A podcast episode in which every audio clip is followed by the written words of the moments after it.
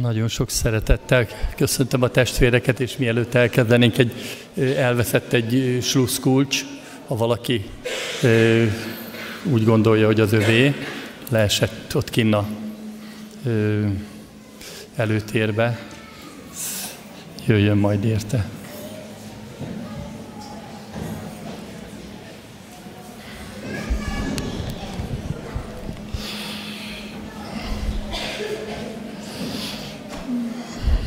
Hálásak vagyunk az Úrnak, hogy itt lehetünk, és nagyon sok szeretettel köszöntöm a gyülekezetet, a vendégeket, azokat is, akik talán először vannak ma itt.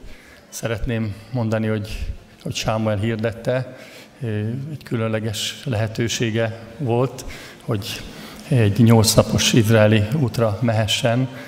Testvérei meghívták erre, és ő most ott van, és hiszük, hogy Isten megáldja ezt az utat, és hiszük azt is, hogy Isten bennünket is megáld itthon. Álljunk föl testvérek, és imádkozzunk.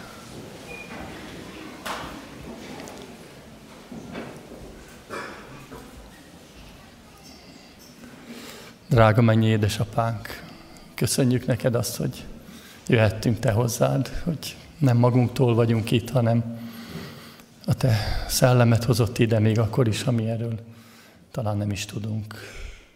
De a te szereteted vonzott, és hiszem, Uram, hogy előtted állhatunk, és betöltöd a mi szívünket, és válaszolsz a mi kérdéseinkre. Uram, lehet, hogy nagyon nagy teherrel érkeztünk, és a Te szavadra szeretnénk most minden gondunkat reád vetni. De szeretnénk örülni, Urunk, abban, hogy Te örök életet adtál, és megoldottad a mi életünk problémáit, és velünk vagy. Köszönjük, mennyi édesapánk, hogy annyira szerettél, hogy egyszülött fiadat adtad értünk, hogy leved rólunk bűneink terhét, és szabadon és örömmel állhassunk eléd. Köszönjük, hogy nyitva a menny a mi számunkra. Segíts, Urunk, hogy ezen a délelőttön is tudjunk beletekinteni. Ne a mi alkalmatlanságunkra, hanem a Te nagy nevedre, dicsőségedre, és a Te végtelen szeretetedre nézve kérjük ezt az Úr Jézus nevében. Amen.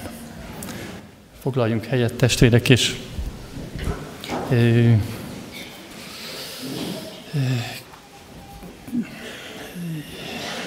hirdetésekkel szeretném kezdeni.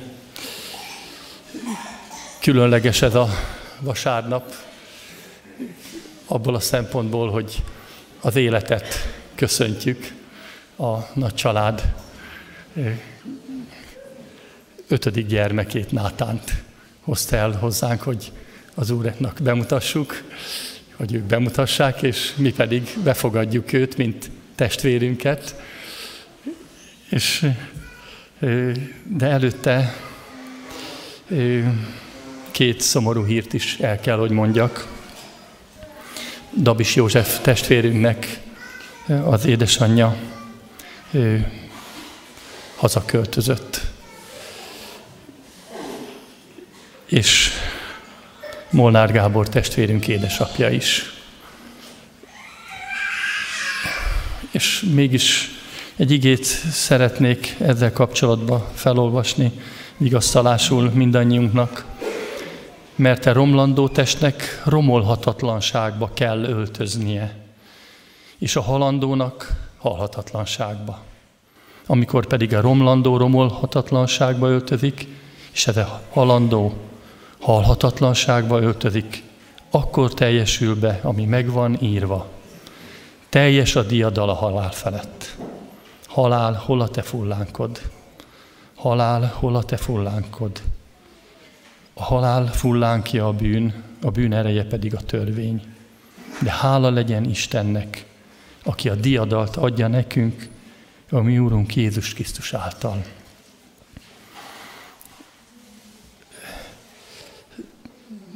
Dabis Józsi édesanyjára, én úgy emlékszem, hogy januárban ott a leghátsó sorban úrvacsorázott, és amikor én vittem a tálcát, ő ragadta meg az én figyelmemet. úgy éreztem, hogy mindannyiunk közül talán ő van legközelebb az Úrhoz, őt tartani kellett már, maga nem tudott állni, és Józsi testvérünknek is megadta azt a bizonyosságot, hogy hazaköltözött. Gábor testvérünk, édesapja János pedig szerdán adta át szívét az Úrnak. Ha emlékeztek rá, akkor vasárnap Sámuel azt kérte, hogy kis csoportokban imádkozzunk János testvérünkért. És ezt tettük. És Isten meghallgatott bennünket, és Gábor is örömmel és bizonyossággal tesz tanúbizonyságot arról, hogy az Úr magához vette őt. És ebben az örömben lehetünk együtt, hogy már tudjuk azt, hogy kell, ahogy olvastam az igében, a romlandó test romolhatatlanságot legyen föl. Egy másik örök életű alakot kapunk akkor, amikor elköltözünk. Aki hisz az Úr Jézusban, ha meghal is él, mondja az igénk. Így gondoljunk majd testvéreinkre, akik mégis a gyász terhét viselik, és azt, hogy el kellett válniuk Isten szeretetének egy forrásától, édesapjuktól vagy édesanyjuktól.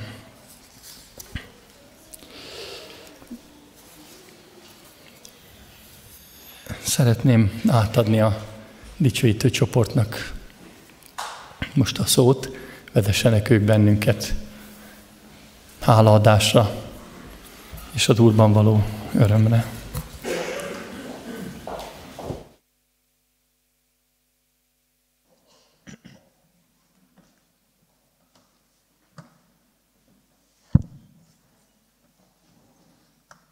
Szeretettel köszöntelek benneteket én is. Mielőtt dicsérnénk az Urat, pár gondolatot mondanék én is. Pénteken volt a, az ima éjszaka, és volt egy olyan paraván, amin lehet, ilyen buzdításképpen ki volt rakva, hogy a, a rokonainkért lehet imádkozni. És hogy leborultam Isten előtt, és imádkoztam az én nagyszüleimért, mert hála Istennek még élnek. De el kell, hogy mondjam, sajnos nekem az egész családom, a mindenki elvált, és, és így nagyon erősen imádkoztam értük, hogy, hogy ha tudják megismerni, megismerni az Úr Jézus, az ő kegyelmét. És, és tegnap fölhívott engem a, a papám, hú, mondom, ez nem véletlenül, és, és akkor uh, tudtam neki beszélni a, a szívembe élő reménységről, hogy, hogy nincs olyan bűn, amit nem tudna megbocsátani az Úr Jézus, és ne tudna új életet adni, és, és én azért fogom dicsérni, mert nekem adott új életet, és most a, a téma, ami ebben a hónapban van, az a házasság, mint szövetség. És én nagyon féltem a házasságtól, mert uh, láttam azt, hogy, hogy hát itt minden szétbomlik. Hát hogy lehet akkor itt neki menni, pedig nagyon vágytam rá, és, és eljut az életembe egy pont, amikor megtörtént velem az a csoda, amiről Isten így ír a Jeremiás könyvében, Jeremiás 31-31-ben. Íme eljönnek majd napok, ezt mondja az Úr, új szövetséget kötök Izrael és Júda házával. Nem olyan szövetséget, amelyet atyáikkal kötöttem azon a napon, amelyen kézen fogtam őket, hogy kihozzam őket Egyiptom földjéről. De megrontották szövetségemet, noha én férjük maradtam, így szól az Úr, hanem olyan lesz az a szövetség, amelyet a napok után kötök Izrael házával. Ezt mondja az Úr, hogy törvényemet a belsőjükbe helyezem, szívükbe írom be, és Istenükké leszek, ők pedig népemmé lesznek. És nem tanítja senki, többé senki a fele barátját, és senki a testvérét, eképpen ismerjétek meg az Urat, mert ők minnyáján ismernek majd engem. Kicsintől a nagyig, ezt mondja az Úr, mert megbocsátom bűneiket, és védkeikről többé nem emlékezem. Fölismertem azt, hogy semmitől sincs nagyobb vagy több képességem, hogy túlszányaljam a szüleimet, de Isten csodát tett velem, és hiszem, hogy velünk is tud csodát tenni, veletek is azáltal, hogy, hogy megmutatja, hogy megbocsátja a több bűneidet, és beköltözhet a szívedbe. És olyanra leszel képes, amire önmagad erejéből nem is. Én dicsérem az Urat, mert kaptam feleséget, és már nyolc éve házasok vagyunk, és, és tapasztalom azt, hogy azért, mert Isten képessé tesz. És reménységem van, hogy még, még tovább is folytatjuk az ő dicsőségére. Dicsérem neved.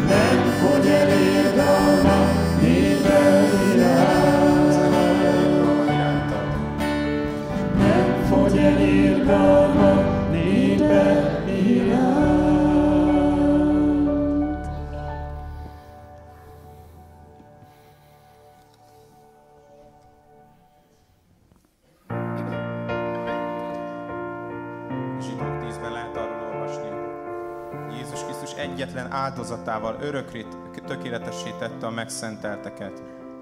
És ott még szó van arról, bűneikről és álnokságaikról többé meg nem emlékezem. Ahol pedig bűnbocsánat van, ott nincs többé bűnért való áldozat. Jézus Krisztus tökéletesen elmosta a bűneinket.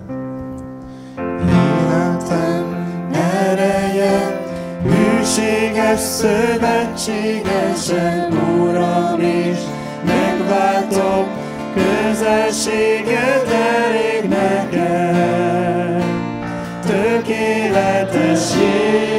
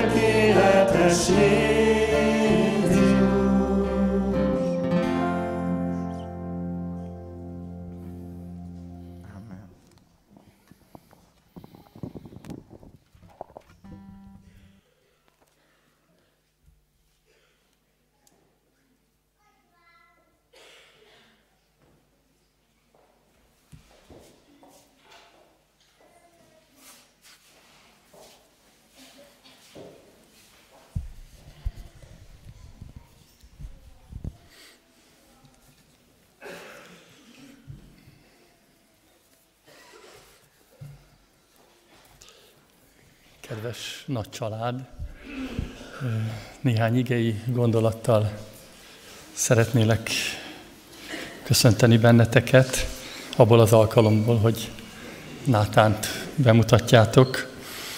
Egy igét választottam, ez így hangzik. Nátán így felelt Dávidnak, az Úr is elengedte vétkedet, nem halsz meg.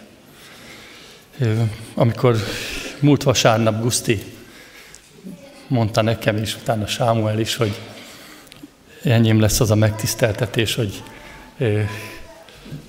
a gyülekezet nevében Nátára és az ő segítségével Nátára áldást mondok, akkor úgy eszembe jutott Guszti olyan büszkén mondta, hogy Nátán a próféta, és, és én úgy lejöttem onnan a ifjúsági térből, oda leültem, és úgy elgondolkodtam, hogy hát talán Nátán nem szeretnék lenni.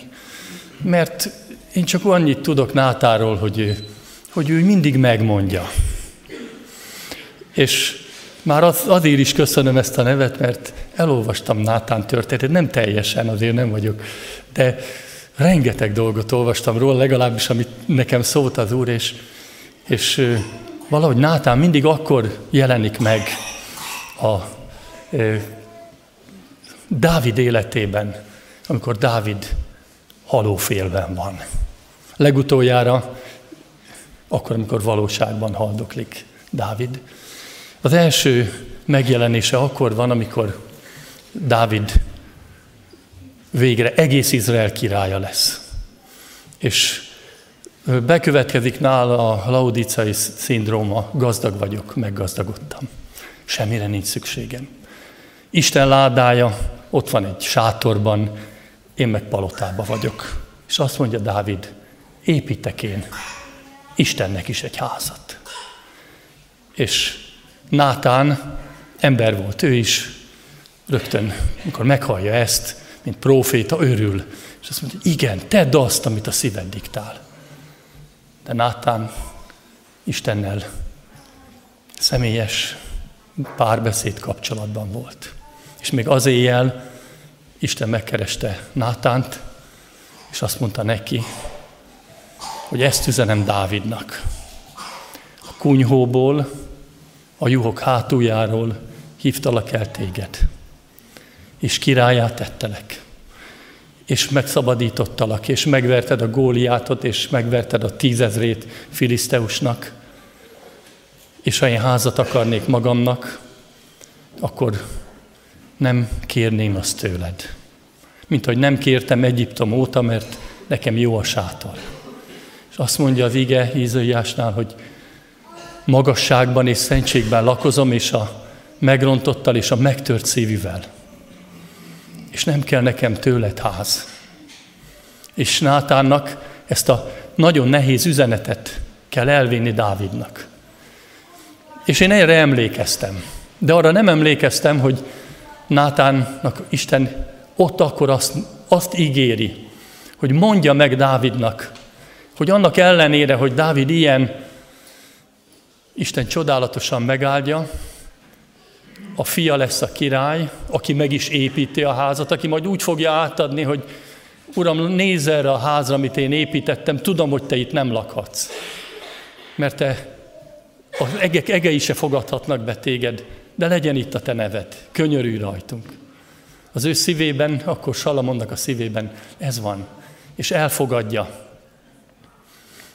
Isten ezt a meghívást. És Nátánnak azt is bízza, hogy mondja meg Dávidnak, hogy az ő királyi széke örökké megmarad.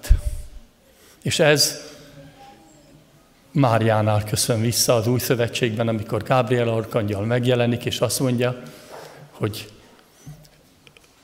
az Úr Jézus uralkodásának nem lesz vége a Dávid trónján. És Dávid ezt tudja. És neki egyszerre mond örömhírt, és egyszerre mond elmarasztalást Nátán. És ugyanez történik itt a felolvasott igében. Dávidnak nem volt úgy látszik elég az, hogy, hogy jóval incse Isten. Mert ugye azt ígérte, hogy, hogy uralkodásának nem lesz vége. És Dávid újra bűnbe esik. Most már sokkal súlyosabba. Én úgy gondolom, hogy a 139. Zsoltárnál indult el Dávid és Nátán közös útja, amiben látszólag Nátán a mellékszereplő, mert mindig Dávidról hangzik az ige hirdetés, de én úgy gondolom, hogy Nátán hordozza Isten szavát. És ö, ott Dávid a 139. Zsoltárban azt mondja, hogy gyűlöli azokat, akik Isten ellensége, akik gonoszok. És kéri, hogy Uram, vizsgálj meg engem, hogy nálam van-e valami a gonoszság útján. És vedess engem az örökké valóság útján. Már itt eltévedt Dávid, nem ismerte az ő szívét. És Dávid olyan súlyos bűnbe esik, hogy elveszi a más feleségét, Uriás feleségét, és utána a férjét az Ammon fegyverével ki is végezteti. Gyilkosság és paráznaság védkébe esik, és Nátánnak megint az a dolga, hogy mondja meg, és ébressze rá Dávidot az ő bűnére. És amikor itt leültem, akkor azt mondom, olyan, ez a Nátán mindig ilyen rosszat mond. És úgy hallgattam a dicsőítést, és akkor a dicsőítésben ilyenek ö, hangzottak el, ide ki is jegyzeteltem magamnak, ha ö, megtalálom egy kis lapon, hogy ö, az Úr Jézus értünk jött, azt, azt énekeltük, hogy a sátán bűneimmel vagy bánt.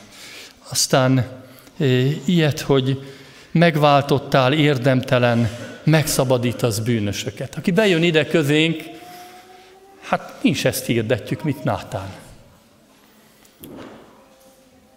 Nem is tudjuk, itt örömmel énekelünk, de emlékszem, hogy amikor én először voltam gyülekezetben, akkor azt mondtam, hogy nem maradok itt tovább, itt engem sértegetnek. Hát azt mondják, hogy bűnös vagyok szabadulásomnak nagy volt az ára, valaki értem meghalt. Hát és ugyanazt mondjuk mi is, amit Nátán. A teljes evangéliumnak az első mondata az, hogy így, hogy vagyunk, nem felelünk meg Istennek. És hogy bűnöket követünk el, és bűnösök vagyunk. És ezt, ezt tette Nátán is. Megmondta Dávidnak, nem merte egyenesen megmondta, nem mondott egy példázatot. Ezt most nem akarom elmondani, biztosan nagyon sokan ismerjük ezt a példázatot a szegény ember báránykájáról és a gazdag ember vagyonáról, és Dávid kimondja magáról a halálos ítéletet, és egyetlen szót mond, azt még nem olvastam fel, ezelőtt a felolvasott ige előtt, hogy vétkeztem. És utána azt mondja, ezután mondja Nátán azt, Nátán így feled Dávidnak, az Úr is elengedte vétkedet, nem halsz meg. Csodálatos újszövetségi kijelentés. Az ütött szíven, hogy elengedte, itt elengedte, a Károliba elvette vétkedet.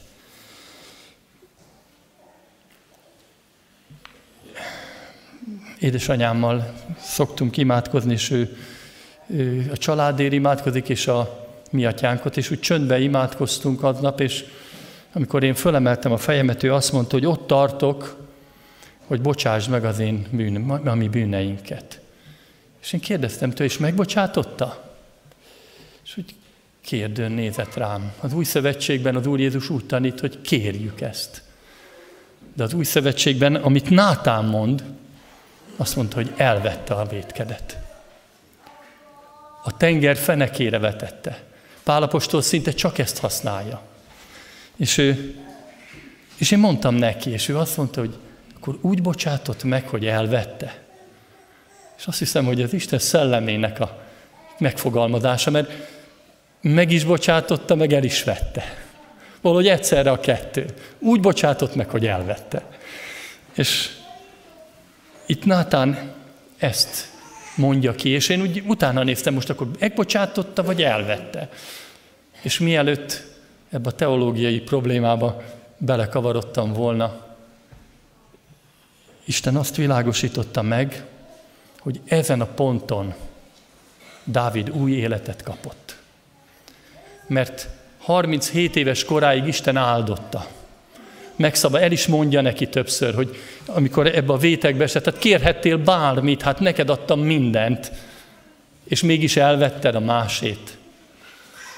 És amikor kimondta Dávid először életében, hogy vétkeztem, és meghallotta, és megértette, és elhitte, hogy Isten elvette az ő vétkét, akkor Isten megajándékozta egy új élettel. Hogy ez az új élet, ez a mi szempontunkból, a Bibliát vizsgálva, egy, egy dicsőséges élet volt-e, én úgy látom, hogy látszólag nem. Az első 37 év, mintha gondtalanabb lett volna, mint a következő 33. De azok a zsoltárok, amiben Isten kegyelmét hirdeti Dávid, azok olyan csodálatosak. És Dávid élete attól kezdve új mederbe került. És még egy gondolat, Nátán neve azt jelenti, hogy Isten ajándéka. De azt is jelenti, hogy ajándékozó. Mint ahogy Izrael neve is azt jelenti, hogy Isten harcosa, de akiért Isten harcol. Egyszerre mind a kettő. És azt gondolom, hogy csak az lehet ajándékozó, akit Isten megajándékozott, aki maga is Isten ajándéka, akinek új élete van. És szeretnénk ezt az ajándékot megköszönni most, és szeretnénk erre az ajándékra áldást mondani. Olyan közhelynek hangzik ez az ajándék. És ugye elgondolkodtam, mit jelent az, hogy ajándéknak lenni. Mi az, hogy, és meddig ajándék, és mikor kezdődik. És én azt gondolom, hogy csak címszavakban, hogy Isten szeretni tanít általa, hinni tanít általa, remény megfedd általa, bölcsétesz áldala, gyermekké tesz áldala. Talán csak azt hadd mondjam el, hogy Gusztit és Adrit Isten tanítani fogja, hogy sokkal jobban simuljanak oda Istenhez, mint mennyi édesapához. Nátán által is. És Nátánnak és Dávidnak és Ábernek szüksége van erre, hogy lássák, hogy az édesapjuknak is van édesapja.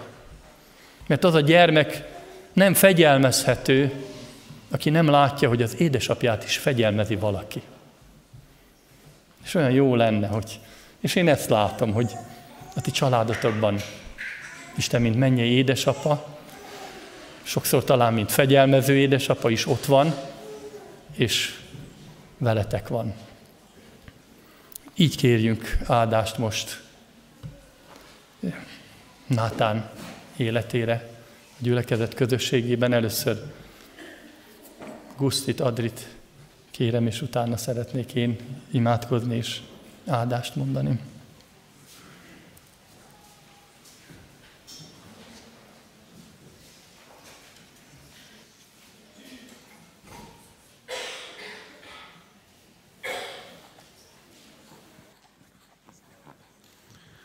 Úr Jézus, köszönöm neked, hogy te kegyelmes Isten vagy. Köszönöm, hogy belenyúltál az életembe, és nem hagytál meg a bűneimben. És köszönöm, hogy Nátán életét is így bízhatjuk te rád, hogy te érte is meghaltál a Golgotai kereszten. Köszönöm, Úr Jézus, hogy te élsz és uralkodsz, és arra kérlek, Uram, hogy találd meg őt is, és használd fel őt a te országod építésében, hogy megdicsőj az ő életében. És Uram, tudom, hogy alkalmatlan vagyok szülőként, és te mégis alkalmasá tudsz tenni könyörülj, Uram, rajtunk, és Te légy velünk, Te áldj meg bennünket. Ámen. Drága mennyei atyám, köszönöm ezt a csodálatos ajándékot, hogy ötödikként is kaphattunk még ilyen drága gyermeket. Köszönöm, hogy megtartottál minden nehézségben bennünket, és köszönöm, hogy ebben a reménységben adhatjuk neked oda a további napjait is, éveit is, én tudom, hogy csak nálad lehető boldog, teljes életű ember. Kérlek, Uram, hogy téged találjon meg, és tudjunk ebben, Uram, segíteni neki. Tudjuk őt helyesen szeretni a többi testvérével együtt. Atyám, könyörüljél rajtunk. Amen. Drága mennyi édesapánk, köszönjük neked a nagy családot, és köszönjük benne Gusztit, Adrit, köszönjük a gyermekeket, Dánielt, Ábel, Dorkát, Annát, és most a kis Nátánt is, akit most különösen hozunk eléd. Magasztalunk, Urunk, azért, hogy Te adtad neki az életet. És köszönjük azt neked, hogy ez az élet örök. Úr Jézus, Te benned, és köszönjük azt, hogy Te azt mondtad, hogy a gyermekeké a mennyek országa. Köszönjük azt, hogy most jó helyzetben van, a te kezedben. De azt is tudjuk, Urunk, hogy egyszer majd el kell oda jutnia, hogy elszakadt tőled, és kérünk, Urunk, hogy te ragad meg őt minél hamarabb. Hogy meghallja, hogy elvetted az ő bűneit, és lehessen ő is a te gyermeked és a te országod állampolgára. Köszönjük, hogy reménységünk, bizodalmunk legyen, lehet te hozzád. És kérünk, hogy így áld meg a nagy családot, áld meg a szülőket, áld meg a testvéreit, hogy tudják mindig szeretetben viselni a gondját. És kérünk, Urunk, hogy mi is tudjunk jó testvérei lenni Nátánnak és a nagy családnak. Hát, hogy tudjunk értük imádkozni, tudjuk hordozni őt előtted. Amen.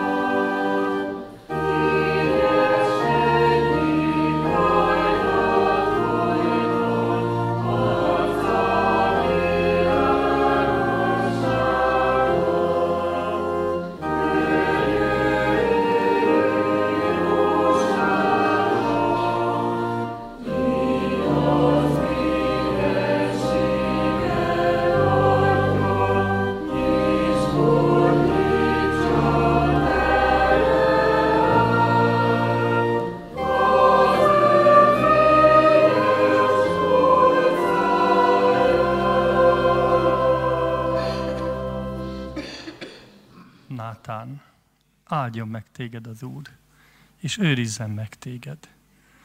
Ragyogtassa az Úr az ő orcáját tereád, és könyörüljön rajtad. Fordítsa az Úr az ő orcáját tereád, és adjon békességet néked. Amen. Bemutatom kis Nátán. Nagyon határozott, ahogy a Ószövetségi elődje és névrokona. És hisszük, hogy Isten ilyen életet ad neki, és ő is tovább tudja adni, hogy Nátán eszköze lehetett Istennek az új életben. Nem ő adta az életet, de ő volt a bába Dávid életében, lehessen ő is. Sok ember életében ilyen, ilyen új életet létrehozó bába. Az Úr áldja meg. Köszönjük.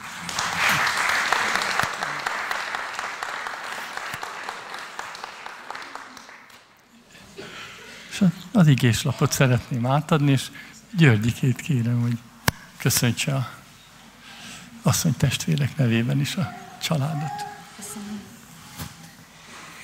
Hát először is engedjétek meg, hogy elmondjam, hogy nagyon zavarba vagyok, mert ilyet még soha nem csináltam, de szeretném nektek is, és Isten előtt is elmondani, hogy nagyon hálás vagyok azért, hogy rám esett a választás, mert a bemerítkezésem óta ugye a ti kis csoportotokba járhatok, és nagyon hálás vagyok azért, hogy az Úr oda vezetett ti hozzátok, mert úgy gondolom, hogy az összes csoporttárs nevében mondhatom, hogy, hogy mindig nagy szeretetet és befogadást tapasztalunk a részletekről, és amennyire emberileg megítélhető hiteles példák vagytok számunkra, és hát lehet, hogy most sokan nevetni fognak azon az összefüggésen, ami most következik, de amikor Géza bácsi fölkért, hogy egy igével köszöntsetek benneteket, én nekem egyből az ajándék jutott eszembe, és az, hogy minden jó és tökéletes adomány és ajándék onnan fentről jön a mi mennyei atyánktól. És ugye azt mondja a 127-es Zsoltár is, hogy az ő ajándéka a gyermek, az anyamé gyümölcse a jutalom. És ezt egészíteném ki a 128-as Zsoltára, mert nekem ez jutott eszembe egyből a ti családotokról, hogy boldog mindenki, aki az Urat féli, és az ő útjai jár, kezed munkája után élsz, boldog vagy, és jól megy sorod. Feleséged olyan házad belsejében, mint a termőszőlőtő. Gyermekeid olyanok asztalot körül, mint az olajfa csemeték. Ilyen áldásban részesül az az ember, aki féli az Urat, Áldjon meg téged Sióról az Úr, hogy láthassd Jeruzsálem jólétét egész életeden át, és megláthasd unokáidat is. Békesség legyen Izraelben. Hát én azt kívánom, hogy amennyire én meg tudom ítélni, emberileg ez a Zsoltár rátok nagyon igaz, és kívánom azt, hogyha Isten megvizsgál benneteket, akkor ezt ő is így lássa, és vezessen benneteket azon az úton, hogy ez valóban igaz legyen az életetekre és kívánom, hogy úgy Nátán, mint a többi gyermeketeket tudjátok minél hamarabb az Úrhoz visszavezetni, és, és megláthassátok azt, hogy az unokáitok is majd a, az ő családjába tartozik. És nagyon, nagyon sok szeretettel köszöntelek benneteket, és remélem még sokáig kísérhetjük figyelemmel így szorosabban is Nátánnak a fejlődését. Köszönöm szépen!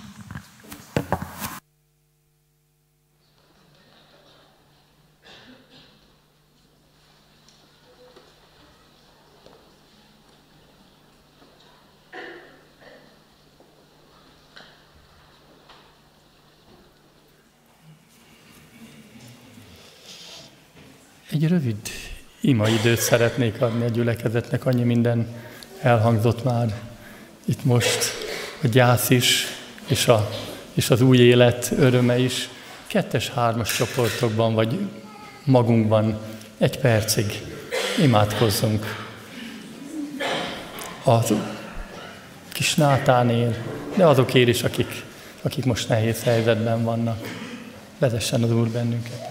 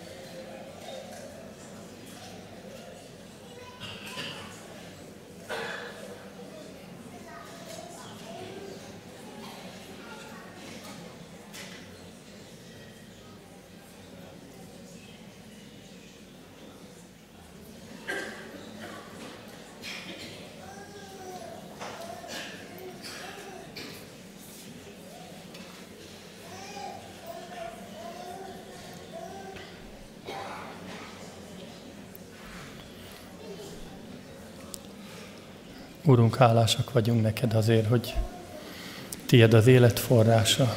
Hálásak vagyunk a gyermekért, hálásak vagyunk azért, hogy gyülekezeti közösségben adhatunk hálát neked mindenért. Elét hozzuk most azokat is, akik gyászban vannak, Urunk. Te fordítsd az ő gyászukat vigasztalássá, hogy tudjanak benned békességet találni, és ad, hogy mi is tudjunk örülni az örök életnek, és annak, amit Te adtál. Így áldj meg bennünket, Úr Jézus. Amen. Az ige hirdetés következik. Győri Gábor testvérünket kérte meg eh, Sámuel erre a vasárnapra, és eh, nagyon hálások vagyunk, hogy ő ezt elvállalta. Kérünk Gábor, hogy hirdesd Isten igéjét közöttünk.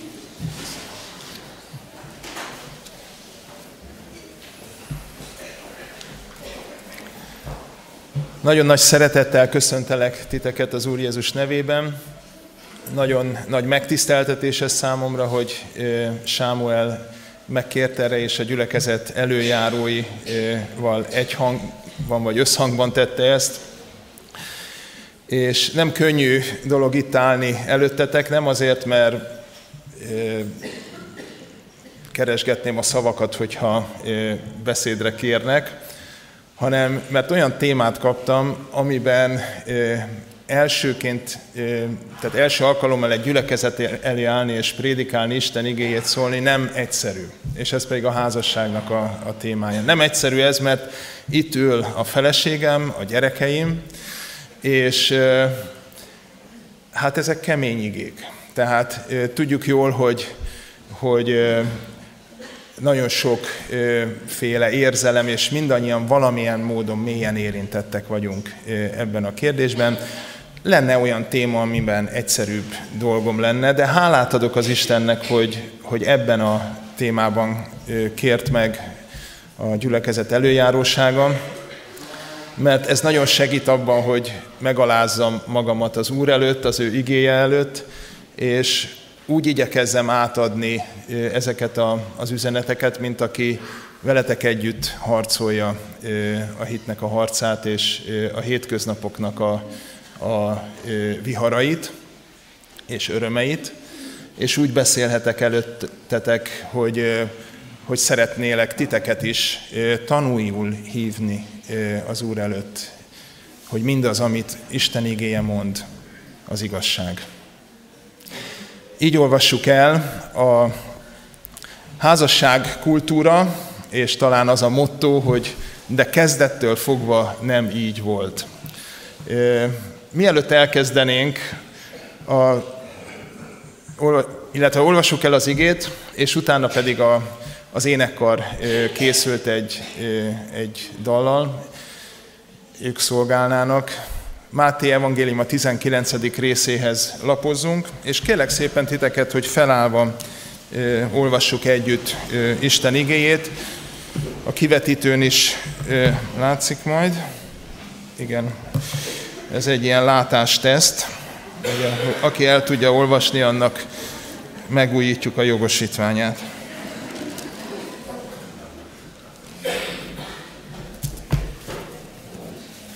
Én nem tudom, úgyhogy fölveszem a szemüvegemet. Tehát Máté Evangélium a 19. rész első verstől kezdve. És lő, mikor elvégezte Jézus e beszédeket, elment Galileából, és ment Júdeának határaiba a Jordánon túl. És követte őt nagy sokaság, és meggyógyította ott őket.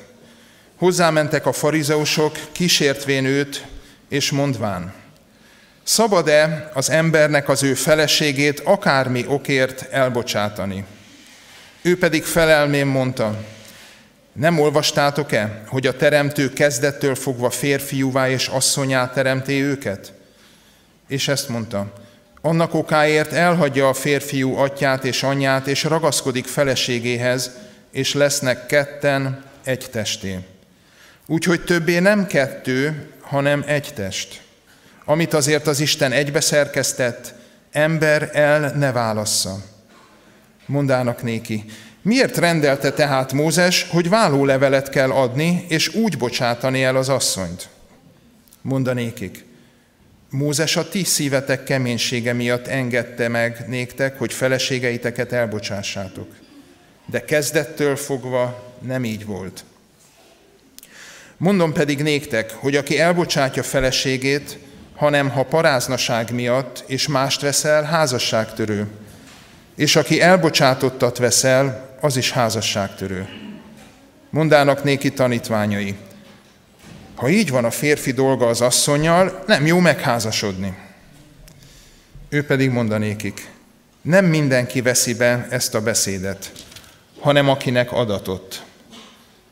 Mert vannak heréltek, más fordítás szerint házasságra nem alkalmasok, akik anyjuk méhétől születtek így. És vannak heréltek, akiket az emberek heréltek ki. És vannak heréltek, akik maguk herélték ki magukat a mennyek országáért. Aki beveheti, vegye be. Eddig Isten igéje, foglaljatok helyet, és hallgassuk meg a, az énekkar szolgálatán.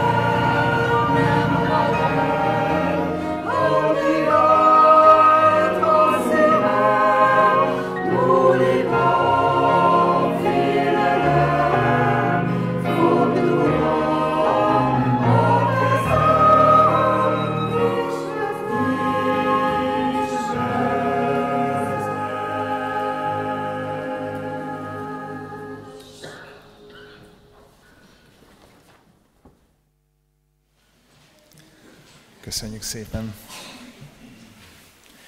A minap a rádióban is hírt adtak arról, hogy elkezdődött a házasság hete. Az egyik hírcsatorna nagy örömmel számolt be, hogy javulnak a statisztikák, több házasság köttetik, és kevesebb vállás van. Szuper, nagyon jó. Azonban mindannyian tudjuk, hogy még így is nagyon nagy százaléka a házasságoknak vállással fejeződik be. A gyerekeknek a nagy része az óvodákban, az iskolákban vagy széttört, vagy úgynevezett mozaik családból valók, és arról nem is beszéljünk, hogy mit mutatnak a, a lappangó statisztikák az otthoni bántalmazásról, amikor nem váltak még el, viszont hát zárt ajtók mögött mindenféle borzalmak történnek. Mondhatnánk azt, és én gyakran úgy vagyok, hogy hát jobb lett volna talán egy más korban születni, mert ez a kultúra, ez, ez hát nem igazán családbarát. Bár ugye rengeteg olyan törekvés van, hála Istennek, most a, a politikai életnek a szereplői részéről is, hogy szeretnék, hogy Magyarország családbarát legyen, a munkahelyek is családbarátok legyenek, és sokszor halljuk ezt, és ezek mind nagyon fontos törekvések.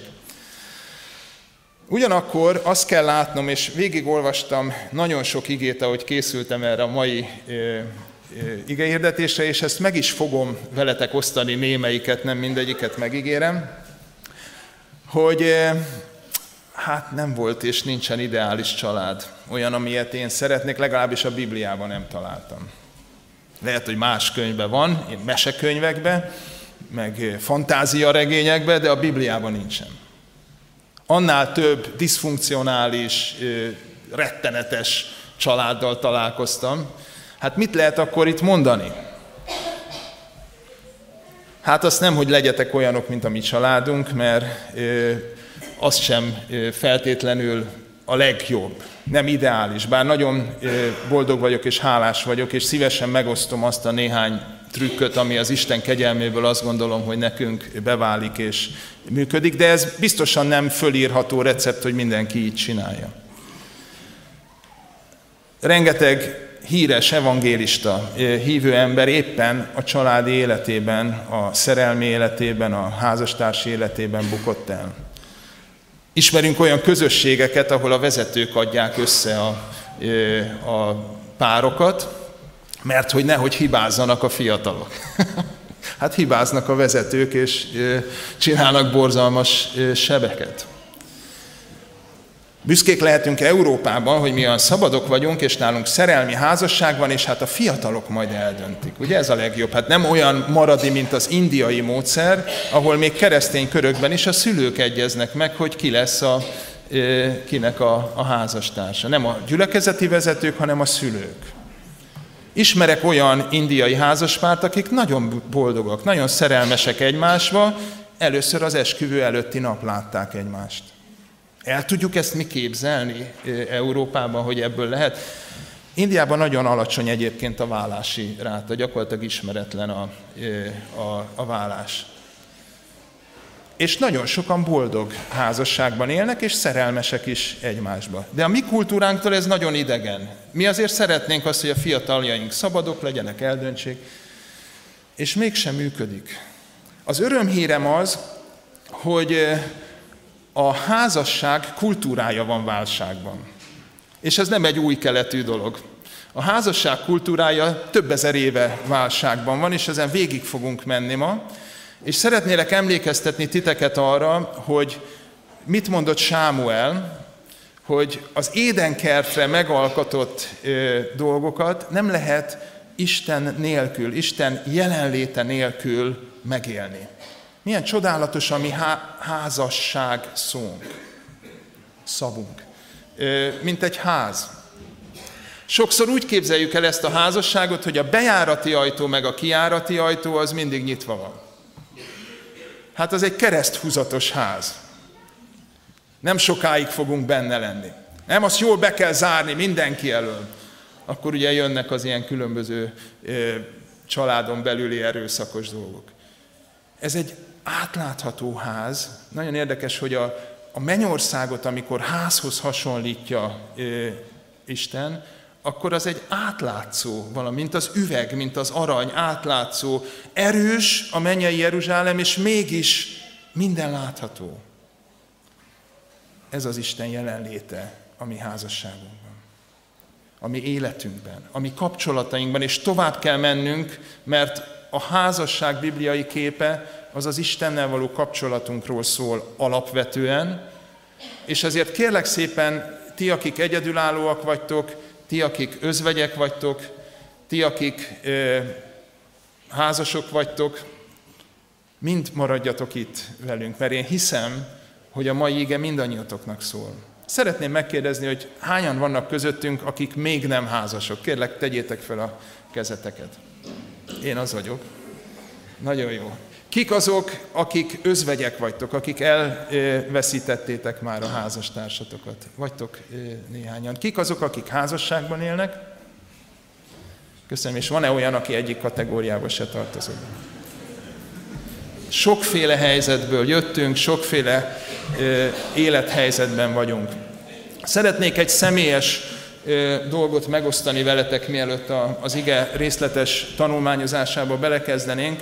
Tegnap egy hosszabb imasétával készültem erre az alkalomra, és nagyon bennem mozgott az a dolog, amiről Sámuel tanított néhány hete, hogy a mi atyánk az három te kéréssel kezdődik.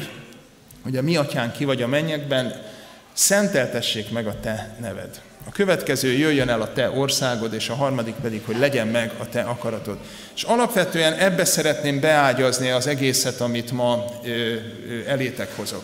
Tegnap, ahogy sétálva imádkoztam, amikor kimondtam azt, hogy szenteltessék meg a te neved, és ezen gondolkoztam, és, és elkezdtem mondani Isten neveit, és őt magasztalni, azt éreztem, hogy Isten hihetetlen távolságban van tőlem. Még egyszer elmondom, azt éreztem, hogy Isten hihetetlen, leküzdhetetlen, irtózatos távolságban van tőlem, mert ő a szent, a mindenható, a teremtő, és ezt jelentette számomra tegnap, és azt gondolom, hogy ez kell, hogy jelentse számunkra Isten nevének a megszentelése. Annak az elismerése, hogy nekem ő hozzá alapvetően semmi közöm nem lehetne. Az én dolgaim azok nagyon távol esnek az Istentől, aki végtelen, aki szent, aki mindenható. Nagyon nagy baj a mai kultúránkban, hogy megpróbáljuk Istent lenyelhetővé tenni. Hogy valami kis egy pohár vízzel bevehető legyen Isten, és ehhez el kell kezdeni bizony vagdosni és, és csiszolgatni, magyarul a saját képmásunkra formáljuk Istent pedig Isten neve szenteltessék meg. A következő kérésünk, ez a csodálatos evangéliumi kérés, hogy ez a szent és hatalmas és dicsőséges és kompromisszumoktól mentes Isten a Jézus Krisztusban eljött hozzánk, mint az Isten országa. Jöjjön el a te országod, ami egyébként elérhetetlen lenne, ha te nem döntöttél volna úgy, te mindenható, szent és hatalmas Isten, hogy te eljössz hozzánk, akkor én reménytelen helyzetben lennék. És én a reménytelen helyzetben levő kiáltok te hozzád, hogy jöjjön el a te országod. Legyen átlátható az én házasságom, az én házam. Legyen az a te házad, az az te országod, amiben meg tud valósulni a te akaratod, úgy itt a Földön, az én házasságomban, az én házamban, az én ö, családomban, az én gyülekezetemben, vagy a mi gyülekezetünkben, mint ahogy az a mennyben van. Kérlek, hogy így imádkozzuk most el a mi atyánknak az első három kérését. Mi atyánk, aki a mennyekben vagy, szenteltessék meg a te neved. Jöjjön el a te országod és legyen meg a te akaratod. Amen. Azt olvassuk, hogy Jézus átment a Jordánon túra, a mai Jordánia területére, ez a határvidék, Galileából a, az ország határa felé, és követte őt nagy sokaság. Meggyógyította ott őket. És hozzámentek farizeusok is, és egy fogós ravasz kérdést tettek föl. Az én kérdésem az, és ezt vizsgáljuk meg, hogy mi mit keresünk. Kit keresünk? Miért megyünk mi oda Jézushoz? Miért jövünk el a gyülekezetbe? Van valami fogós, ravasz kérdésünk, vagy pedig Jézus Krisztussal akarunk találkozni. Nagyon érdekes, hogy embereket meggyógyít, azokról nem is halljuk, hogy mit beszélgettek volna, vagy mit kérdeztek volna, és jön egy társaság oda egyébként, ahol erőteljesen jelen van az Istennek az országa, az Isten fia, és van egy kérdésük, amivel még ráadásul sarokba is akarják szorítani. És fölteszik ezt a frappáns kérdést, hogy szabad-e az embernek az ő feleségét akármi okért elbocsátani. És utána valószínűleg még egy ilyen elégedett arcot is vág. Na erre válaszoljál, öregem, hogyha tudsz. Egyébként a korszaknak ez az egyik legnagyobb teológiai vitája volt. Tehát a farizeusok maguk két pártra szakadtak, erről majd később mondok néhány szót, és ők ezen komolyan vitatkoztak. Vannak olyan ifik, ahol egy fél éven át arról vitatkoznak, hogy szabad-e alkoholt fogyasztani, szabad-e buliba járni, szabad-e házasság előtt lefeküdni. És akkor az ifi összejön, és fölkészülnek erről, hogy szabad-e. Jó kérdések ezek? Szerintem ezek nagyon fontos kérdések. Meg lehetne ezeket valahogy beszélni? Természetesen meg is kell, hogy beszéljük. De amikor Jézushoz ez az első kérdésem, amikor egyébként ott a környezetben az Isten országával lehetne találkozni, ezek elképesztően felületes kérdések. És igazából, hogyha ezt a kérdést teszed föl, akkor valószínűleg a válaszokat sem fogod jól megérteni. Mert azt mondja az ige, hogy keressétek először az én országomat és igazságomat, és mindezek megadatnak nektek. Ezt az anyagi gondoskodásról mondja az Úr, de a szellemi dolgokban is nekünk elsősorban az Isten országát és az ő igazságát kell keresnünk. És az, hogy szabad-e elválni, ebbe Jézus mindjárt bevezet minket a mélybe. Ez egy nagyon felületes kérdés volt. Furcintos, ravasz emberek föltették, de igazából azt lehet mondani, hogy egy értelmezhetetlen kérdés, anélkül, hogy Jézus bevezetne minket a mélybe. Én azt javaslom az ifjúságnak, a, a nősülendőknek és egyáltalán mindannyiunknak, hogy amikor ez fölvetődik, hogy szabad-e bulizni, akkor kaparjuk meg az igét. Ne próbáljunk ilyen arról egy szabályt alkotni, hogy most a tisztességes, rendes baptista fiatal az bulizhat vagy nem, mert akkor lehet, hogy majd elmennek a fiataljaink egy másik gyülekezetbe, ahol meg azt mondják, hogy egy tisztességes, rendes XY az szabadságban él, és az nyugodtan bulizhat. Szerintem nem ez a kérdés. Én találkoztam egy olyan ember, az egyik legelképesztőbb élményem az volt, egy repülőtéren együtt egymás mellé kerültünk, és elkezdtünk beszélgetni. Egy Afrikában élő fehér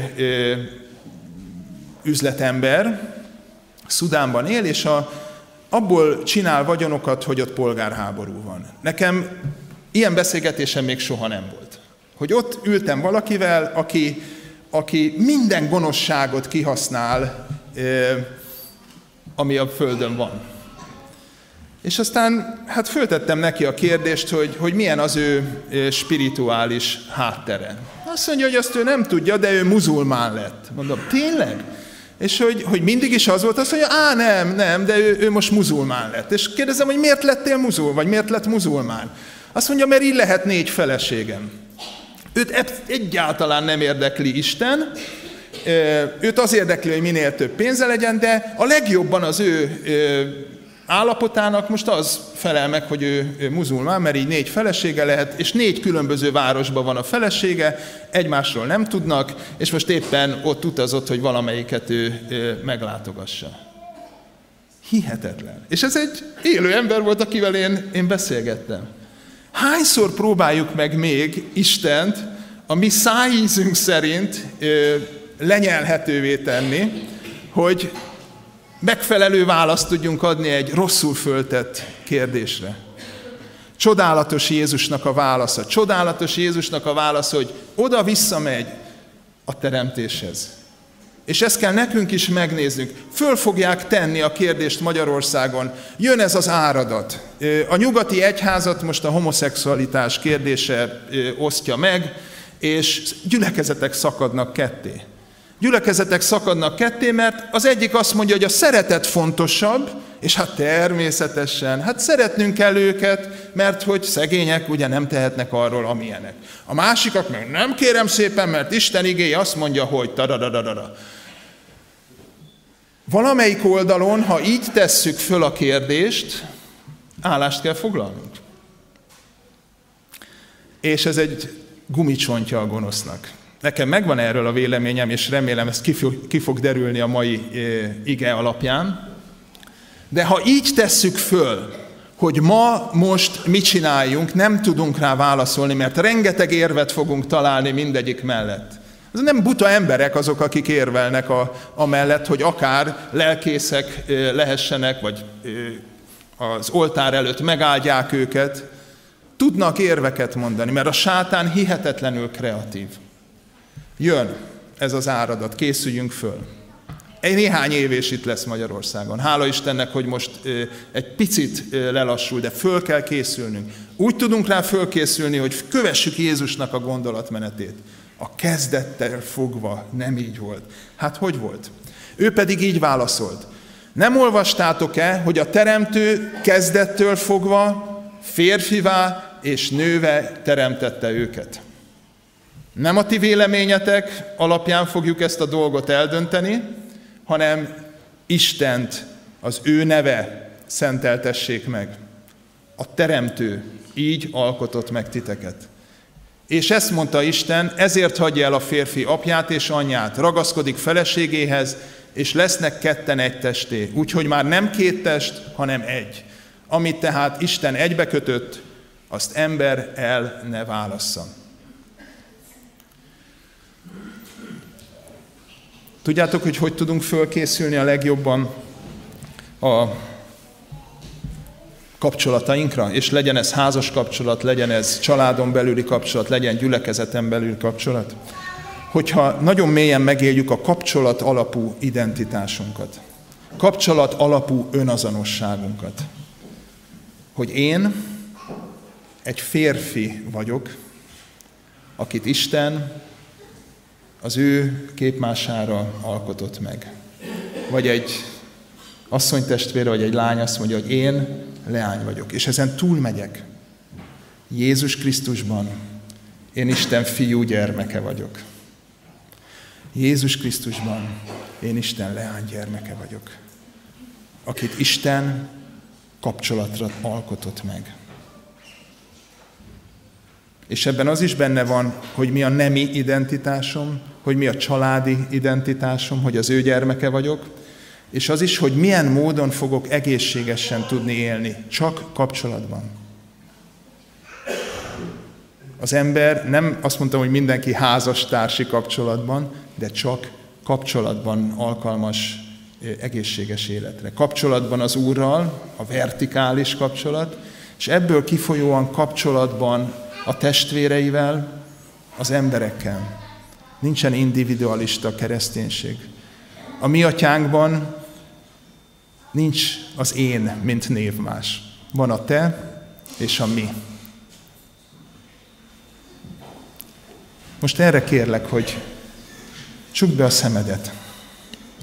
Állj az Úr elé, és adj hálát azért, hogy köszönöm neked, Atyám, hogy én az Úr Jézus Krisztusban a te és mondd ki, fiad, vagy leányod vagyok. Vald meg, ezzel tudsz fölkészülni arra az áradatra, ami jön. Adj hálát azért, aki te vagy. És mondd el még egyszer. Hálát adok mennyei édesatyám, hogy én a te fiad vagyok az Úr Jézus Krisztusban. Amen.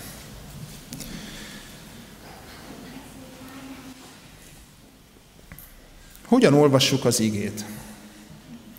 Idéznek egy igét a, a farizeusok, és azt mondják, hogy jó, jó, hát de erre azt mondták, hogy akkor miért rendelt el Mózes, hogy aki elbocsátja a feleségét, adjon neki levelet. Nagyon érdekes, hogy a jogban, a római jogban, vagy a magyar jogban is az alkotmány az az alaptörvény, és abból következtetik a többi törvényeket. Ha így tetszik, akkor a teremtés, és amit ott Isten elmondott, ez az alaptörvényünk. És ebből következik egy csomó minden más. Itt egy visszafelé ható, egy alacsonyabb fokozatú, speciális végrehajtási rendeletből próbálnak meg alkotmánymódosítást végrehajtani a, a farizeusok. Van egy speciális helyzetre vonatkozó mózesi rendelkezés, és ebből próbál visszakövetkeztetni a szövetségnek, a kapcsolatnak, a házasságnak, az identitásnak a kérdésére. Ezt mondja ez a mózesi és egyébként nagyon nehéz jól érteni. Illetve ügyesen mind a kétféleképpen lehetett magyarázni. Ha valaki asszonyt vesz magához, és feleségévé teszi azt, és ha azután nem találja azt kedvére valónak, mivel hogy valami illetlenséget talál benne, és ír néki vállólevelet, és kezébe adja azt annak, és elküldi őt házától, és kimegy az ő házából, és elmegy, és más férfiúivá lesz, és a második férfiú is meggyűlöli őt, és az is ír neki levelet, és kezébe adja azt, és elküldi őt házától, vagy ha meghal a második férfi, aki elvette azt magának feleségül, tehát az a férfi, aki elvette azt magának feleségül, az első férje, aki elküldte őt, nem veheti őt másodszor is magához, hogy feleségévé legyen. Értitek? Tehát ez arra vonatkozik, hogy valakit kétszer elvált, utána nem lehet már újra feleségül venni. Na ezt az igét használták úgy, hogy úgy alapvetően el lehet-e válni. Abban igazuk van, hogy szerepel a vállás ebben a, a mondatban. De azért azt érezzük, ugye, hogy tehát ez nem nemi identitásról, nem arról szól, hogy egy férfi és egy nő hogy teremtetett meg, és, és a többi, és a többi, hogy szövetség és az Istennek a, a, az akarata, hanem ez egy torzult jelenségnek a kezelésére adott utasítás. Na most ez a két iskola, aminek az egyik a sammai rabbi követői voltak, a másik meg a Hillél rabbi követői. Az egyik a összetett mondat első tagmondatára tette a hangsúlyt arra, hogy nem találja kedvére valónak. Ők voltak a Hillél rabbinak a követői, és ők azt mondták, tehát odaégette a rántott húst, akkor adunk neki egy levelet, aztán elmehet. Vagy hogyha egy kicsit meghízott, vagy nem tudom én, már nem tetszik, akkor aztán lehet menni. Mert ugye a férfi az úr, ez egy ilyen világszemléletből származó tanítás volt, a Bibliára alapozott tanítás, és ez vált gyakorlattá. Ezzel szemben a Sammai rabbinak a követői arra helyezte, hogy ez nem szétválasztható ez a tagmondat, hanem nem látja kedvére, mert valamilyen illetlenséget talált benne, vagyis kiderül róla, hogy hűtlen volt, akár a házassága előtt és az eltitkolt dolog volt, vagy pedig közben, akkor lehet elválni. Tehát Jézus bevonják egy olyan ö, ö, diskurzusba, ami a vallásos ö, emberek között zajlott, hogy lehet-e vagy nem lehet, és mind a kettőnek megvolt az érrendszere, és Jézus teljesen egyértelműen egyébként leteszi a voksot az egyik mellett, a sammai féle tanítás mellett, hogy csak a a paráznaság okán lehet valakit elbocsátani, de lemegy a mélybe, hogy miért. És a mi helyzetünkben is, amikor odaállunk Jézus elé, hogy lehet-e ez, hogy lehet-e az, hagyjuk, hogy oda vigyen minket a mélybe. Az igének, az igazságnak, az Isten országának a szívéhez, ahol minden elkezdődött, az Isten szerelméhez. Jézus így válaszolt nekik, Mózes szívetek keménysége miatt engedte meg nektek, hogy elbocsássátok feleségeteket, de ez kezdettől fogva nem így volt. Mondom nektek, hogy aki elbocsátja feleségét a paráznaság esetét kivéve, és más vesz feleségül, az házasságtörő. Isten eredeti szándékából közelítünk, vagy a kulturális környezethez igazítjuk az igét?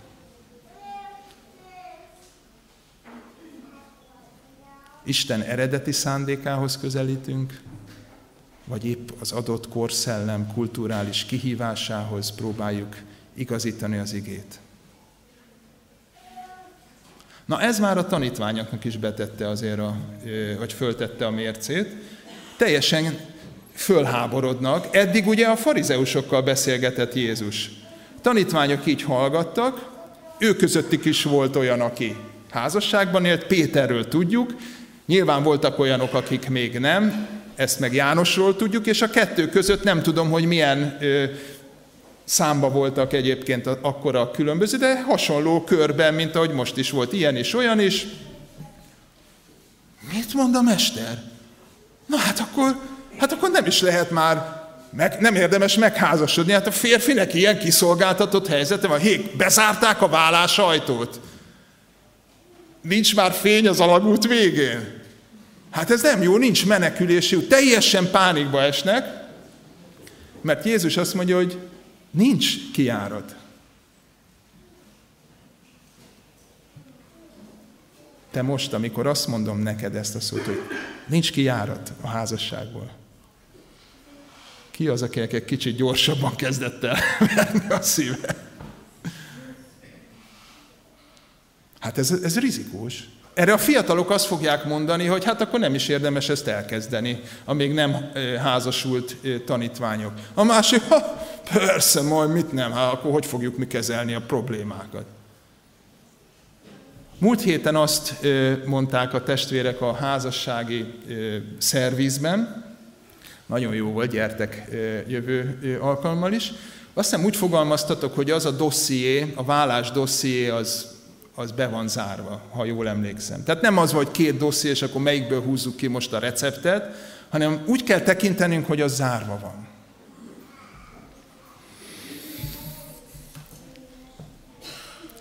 Abcsel 1.8. Vesztek erőt, és lesztek nékem tanúim, ha eljön rátok a Szentlélek. Miről szól ez?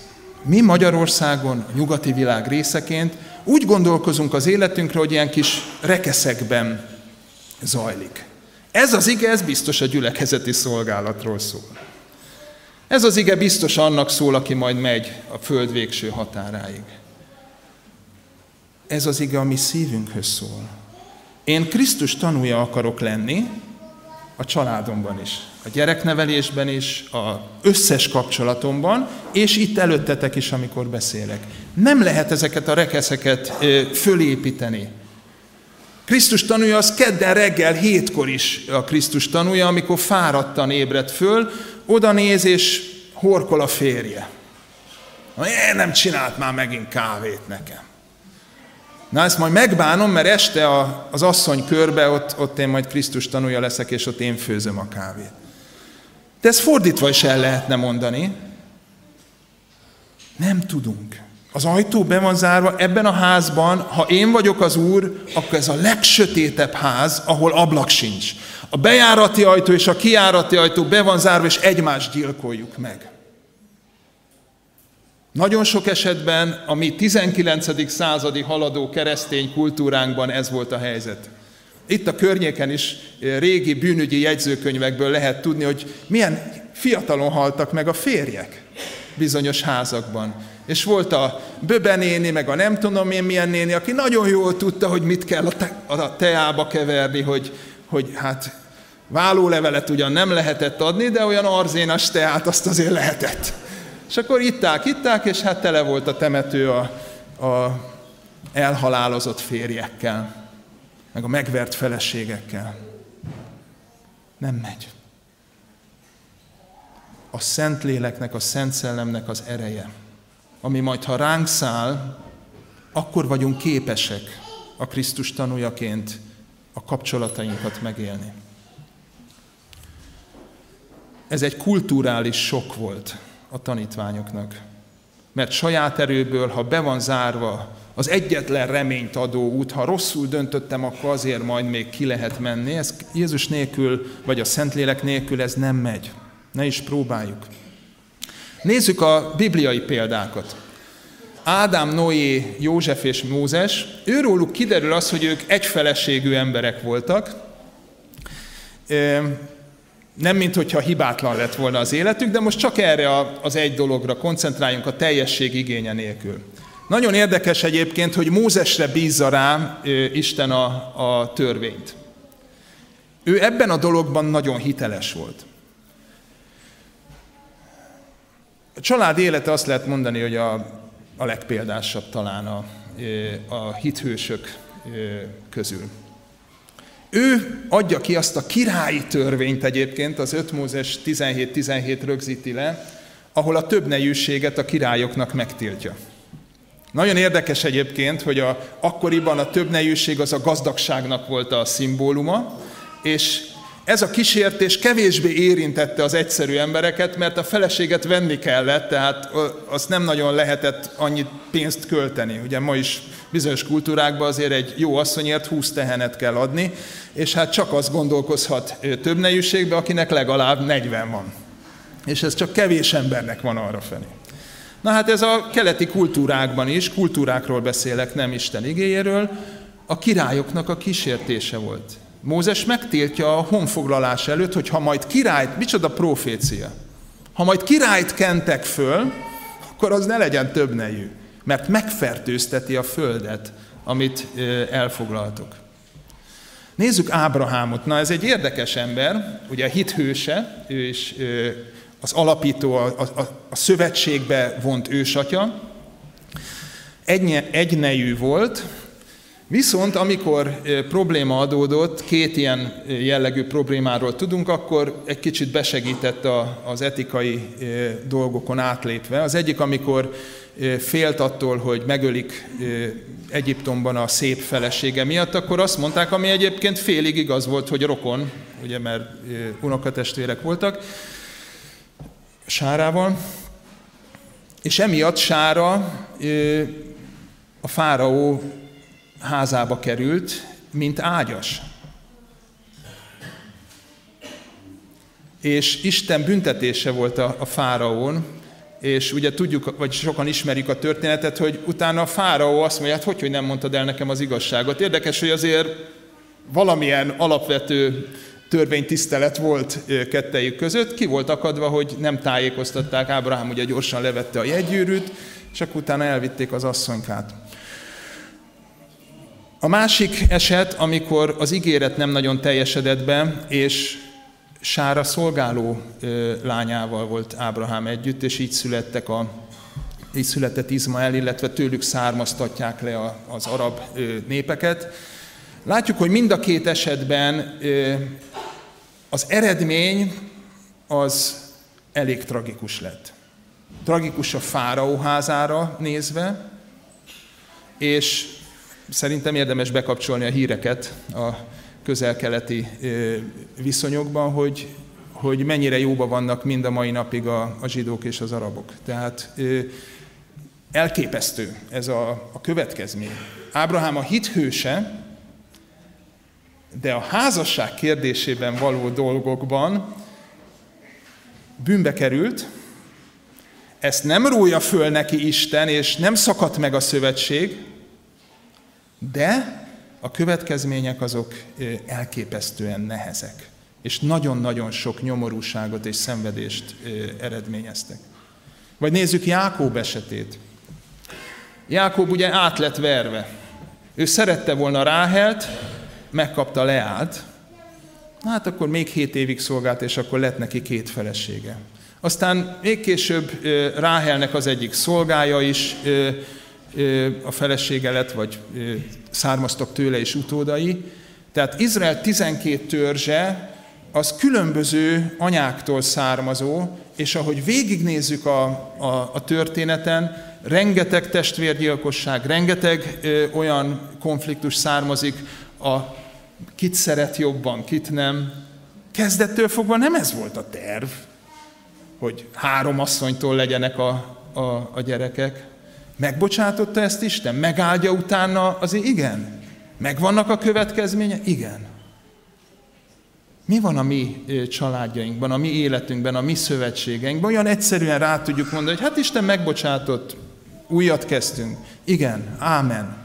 Ő megáld minket, de rengeteg következmény van ránk nézve, a családjainkra, az országunkra nézve. Megfertőztetett a föld ezek miatt. Nem tudom pontosan ezeket a titkokat, csak érezzük ennek a hihetetlen nyomását mi, mint magyarok is. A rengeteg vállásnak, a rengeteg házasságon belüli erőszaknak, a rengeteg abortusznak. Olyan nyomása van mi rajtunk. Nem mondhatjuk, hogy ó, persze, hát a zsidóknál így volt ez. Mi már egy nejűségben élünk mióta. A megcsalások. Volt egy színdarab, az volt a neve, hogy Kör Magyar. Szocialista időben. Arról szólt, hogy mindenki mindenkivel hogy csalja meg egymást. A kabarétréfáink nem szólnak másról. Ez a kultúránk. Ebben a kultúrában növelj, a gyerekeinket itt próbáljuk fölnevelni, és csodálkozunk, hogy, hogy mi a gyümölcs. Isten terve és a házassági kultúra.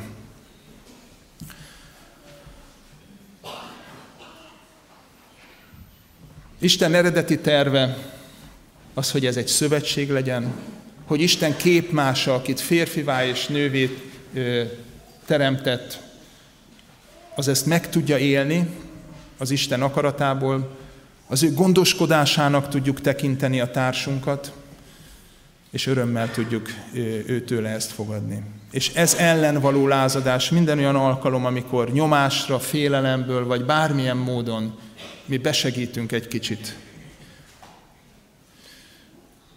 Azt mondja Dávidnak, és nagyon köszönöm, hogy az Úrnak elsősorban, vagy Dávidról már sok szó esett, én nem is akarom így tovább húzni.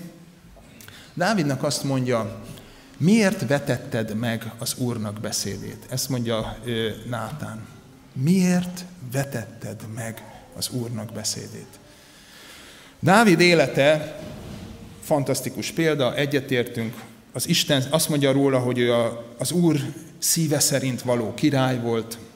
A nagy példa Jézus Krisztusnak a, a királysága, ő földi királysága őrá utalva odáig megy vissza. De ha megnézzük Dávidnak a magánéletét, ez egy rémálom. És most nem deheroizálni szeretném Dávidot, nem, nem egy karaktergyilkosságra készülök, manapság ezt így mondják, hogy karaktergyilkosság, jönnek a választások, és nagyon sok szennyest ki fognak teregetni mindenkiről, de ebből tanulnunk kell. Miért vetetted meg az Úrnak beszédét? Ezt kérdezi. A házasságtörés, a testi paráznaság Dávid életében egy hihetetlen családi káoszhoz vezet, egy, egy folyamatos családi káoszhoz. Itt a, azt hiszem, hogy nem minden feleségét tudtam felsorolni, mert van egy olyan nagy kategória, hogy a jeruzsálemi nők közül még vett sokat magának feleségül, meg ágyasul is, de név szerint ezektől mind királyfiak származtok, akik egyébként egymás ellen különböző borzalmas dolgokat tettek. Beleértve a gyilkosságot, a megszégyenítést, megbecstelenítést, bosszút és a többi. Mikál, ő egy érdekes, ő Saul leánya volt. Hogy házasodtak össze? Saul a házasságon keresztül akarta eltenni Dávidot lábalól. Micsoda, micsoda alap a házasságnak, ugye? Na, fölajánlom, ez, Dávid legyőzte Góliátot, látszott, hogy az emberek követik, Saul féltékeny lett rá, van egy olyan ajánlatom, amit nem lehet visszautasítani. Ha visszautasítja a királylány kezét, hát az egy sértés, akkor azért ugye meg lehet büntetni, de ha nem utasítja vissza, olyan feladatot adok neki, amibe biztos belehal. És ez az volt, hogy hozd el nekem száz farizeusnak a skalpját. Ő túl teljesítette, és kétszázat hozott el, ezen vásárolta meg Mikát. Mikál mentette meg Dávid életét, figyelmeztette, hogy őt most meg akarják. Tehát elrohant Dávid, és Mikál ott maradt az apjával, aki férhez adta őt egy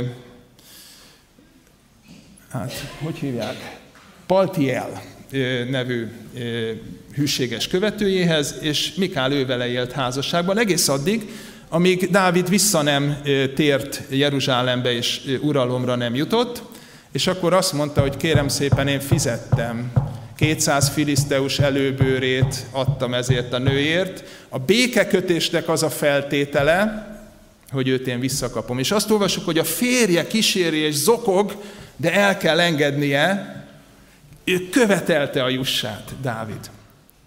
Majd utána, amikor ugye kigúnyolja őt Mikál, akkor megátkozza, hogy Mikál, Saul leállj, neked sohasem lesz gyereked. Mivel ő volt a férje, ezt könnyű volt betartani ezt, a, ezt az ígéretet.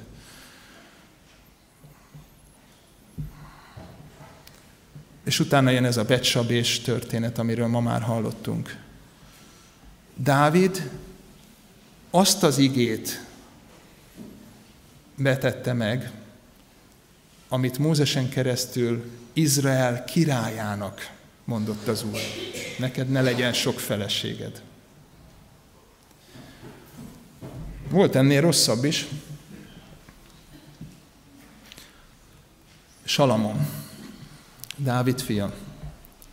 Salamonnál ez tovább megy, mert ő nem csak testi élvezeteket hozott be, hanem a bálványimádást is a feleségekkel együtt. Mondd azért az Úr Salamonnak, miután ez történt veled, és nem őrizted meg az én szövetségemet és az én rendeléseimet, amelyeket parancsoltam neked, elszakítván elszakítom tőled az országot, és adom a te szolgádnak.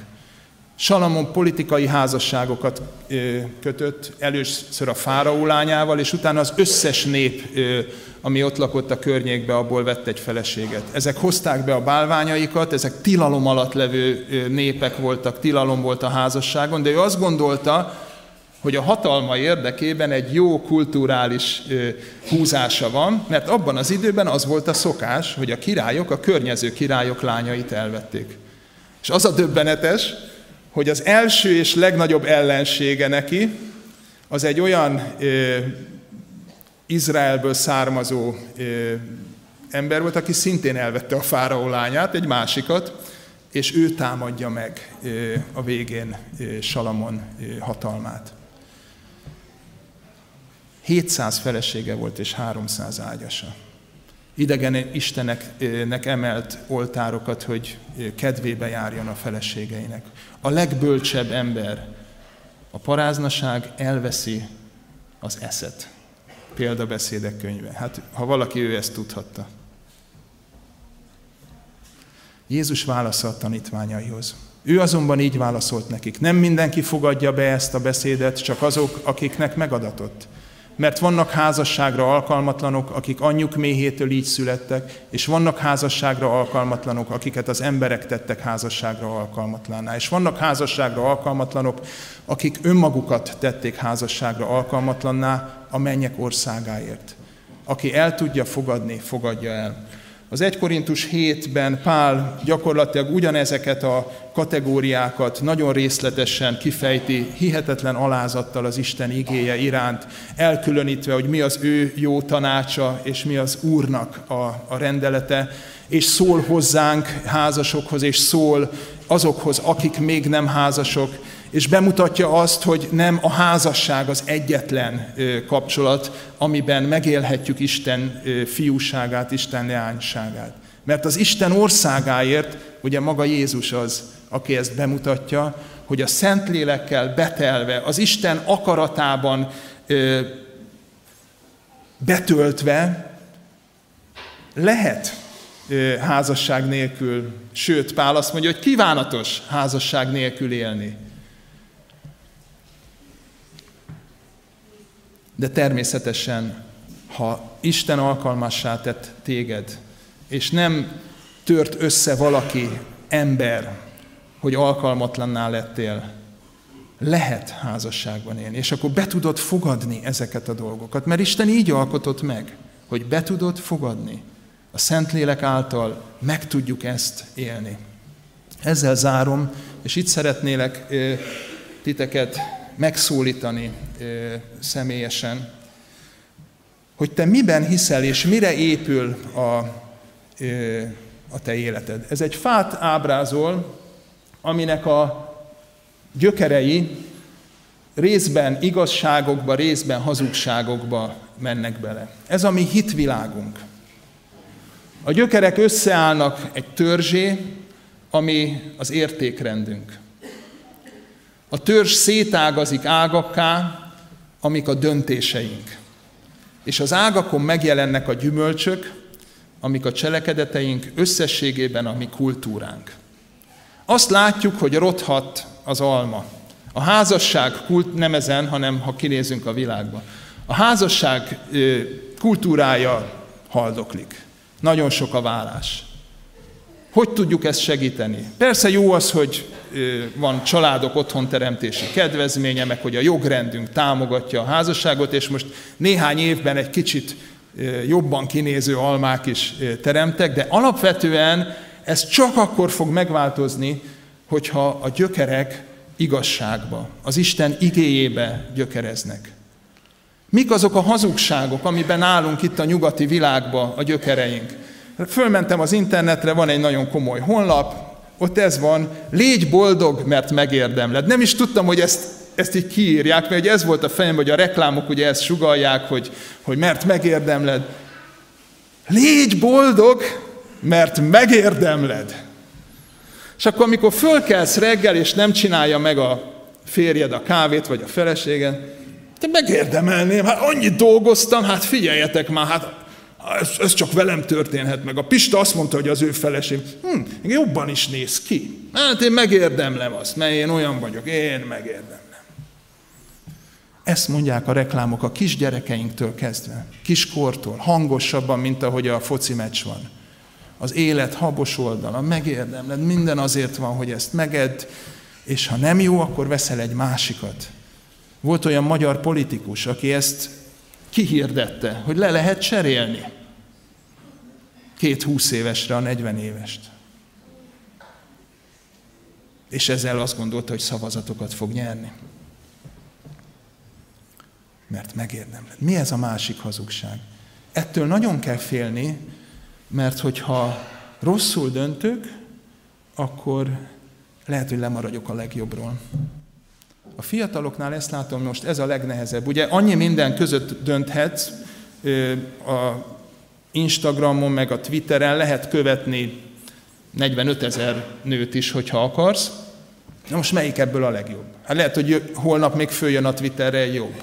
Akkor azt kéne követni, nem? Tehát, hogy, hogy ez az én döntésem, nekem kell megtalálni a legjobbat. Mit mond az ige? Hogy volt kezdetektől fogva? Megalkotta. Szerzett neki hozzáillő segítőtársat. Higgyünk az Isten igéjében. És lehetne magyarázni még, hogy mi minden hazugság van. Most arra kérlek, hogy hajtsd meg a fejedet. Először azokért szeretnék imádkozni, akik egyedülállóak vagytok, és, és úgy érzed, hogy ha fiatal vagy, akkor úgy érzed magadat, hogy lúzer vagy, ha idősebb vagy, akkor is úgy érzed, hogy te nem vagy teljes értékű, mert hát minden normális embernek van társa. Ez egy hazugság volt, hogy te attól lennél értékes, hogy milyen a társad. Hazugság van, és most az Úr Jézus nevében kitépjük ennek a gyökerét ennek a hazugságnak. És az igazság az, hogy téged Isten a jó kedvében alkotott meg. És az ő neve szentséges név, és megszenteltetik most a te életedben. És az ő országa közel jön a te életedben. Az ő Isten országa Jézus Krisztusban a szívedbe léphet be, és te abban. És meg lesz az ő jó akarata a te életedben. És ez a tökéletes akarat, ez neked jó. És ő fog válaszolni hogy ő arra készít föl téged, hogy őt szolgáld életedben egyedülállóként, vagy elfogadd azt, aki, akit neked ajándékozott. Legyél áldott. Legyél áldott ebben az élethelyzetben, amikor keresed az Úrnak az akaratát, és az ő békessége töltse most be a szíveden.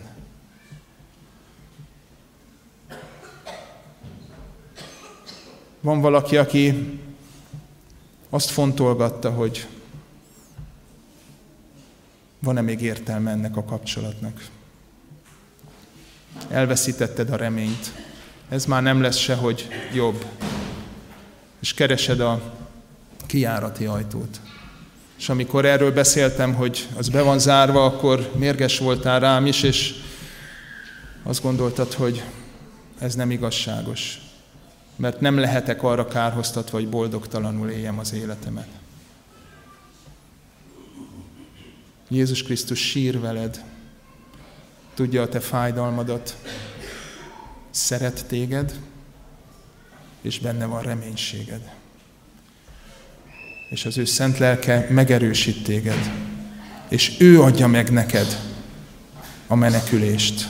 Nem te keresed, a Jézus Krisztus nevében áldalak meg, reménységed van az Úrban.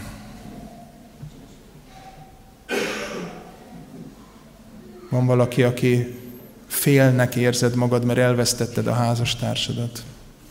Sajog és fáj.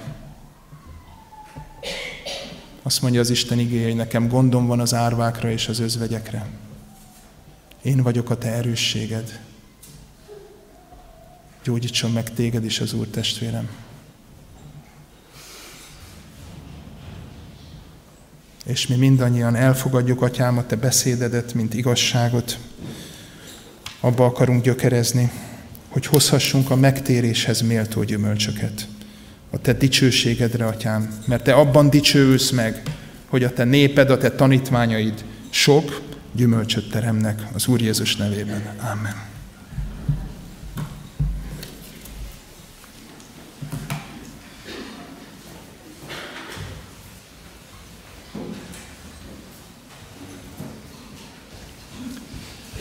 Köszönjük a ige szavát, és most arra kérném a gyermekeket, hogy menjenek le a csoportjukba, a gyermekórára, és közben pedig egy dicsőítő éneket szeretnénk.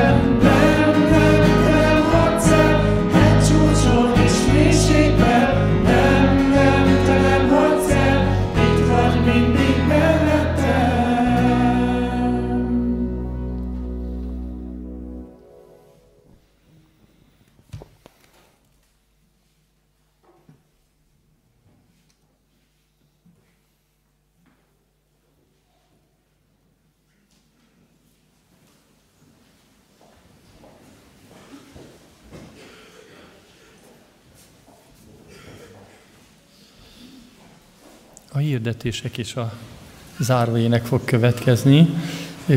kérem a testvéreket, akik hirdetni szeretnének, jöjjenek előre. Amíg előre jönnek, addig hirdetni szeretném, hogy holnap délután 5 órakor újra imaóránk lesz, és kettő szombatig pedig folyamatosan működik a, az ima szoba.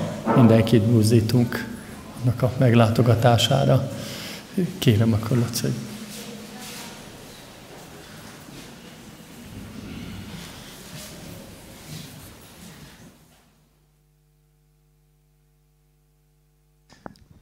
Szeretettel köszöntelek benneteket.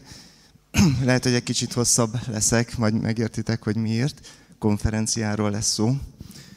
Először is azt szeretném mondani, hogy amikor elkezdődött a gyülekezetünkben, most már több mint másfél éve ez a gondolat, hogy vissza az alapokhoz, vissza a gyökerekhez, vissza Isten dicsőségéhez, ennek a gyakorlásához, ennek a megéléséhez, akkor nagy öröm volt szívünkbe, és mi már nem, ez, ez rossz kifejezés, hogy mi már, talán azt mondanám, hogy előnyben vagyunk, vagy, vagy kedvező helyzetben vagyunk, hogy, hogy Isten lelke visszavezetett bennünket, vagy vezetget vissza bennünket. És szeretnénk a gyülekezeti élettel, az egyéni hívő életünkben is az ő dicsőségét szolgálni. Nos, ez a felismerés vezetett arra bennünket, és elsősorban konferencia szervezőit, hogy ezt meg kellene osztani másokkal. Jó lenne megosztani másokkal. Amikor kint voltunk Aradon, jó néhányan a gyülekezetből, akkor ennek a frissességét éltük át, és, és akkor az uh, úgy, úgy belénk csapódott, hogy hát nem lehetünk annyira önzők, hogy ezt a felismerést magunknak tartsuk meg.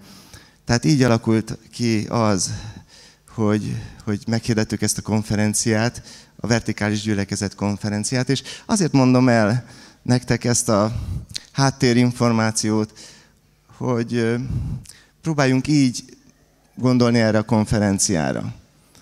Nem egy rendezvényre, nem egy gyülekezeti nagyszerű lehetőségre, hanem egy olyan alkalomra, ahol életek változhatnak, ahol amire, amire szükség van, ahol Isten dicsősége megjelenik, leszáll, és itt, itt lesz közöttünk. És hogyha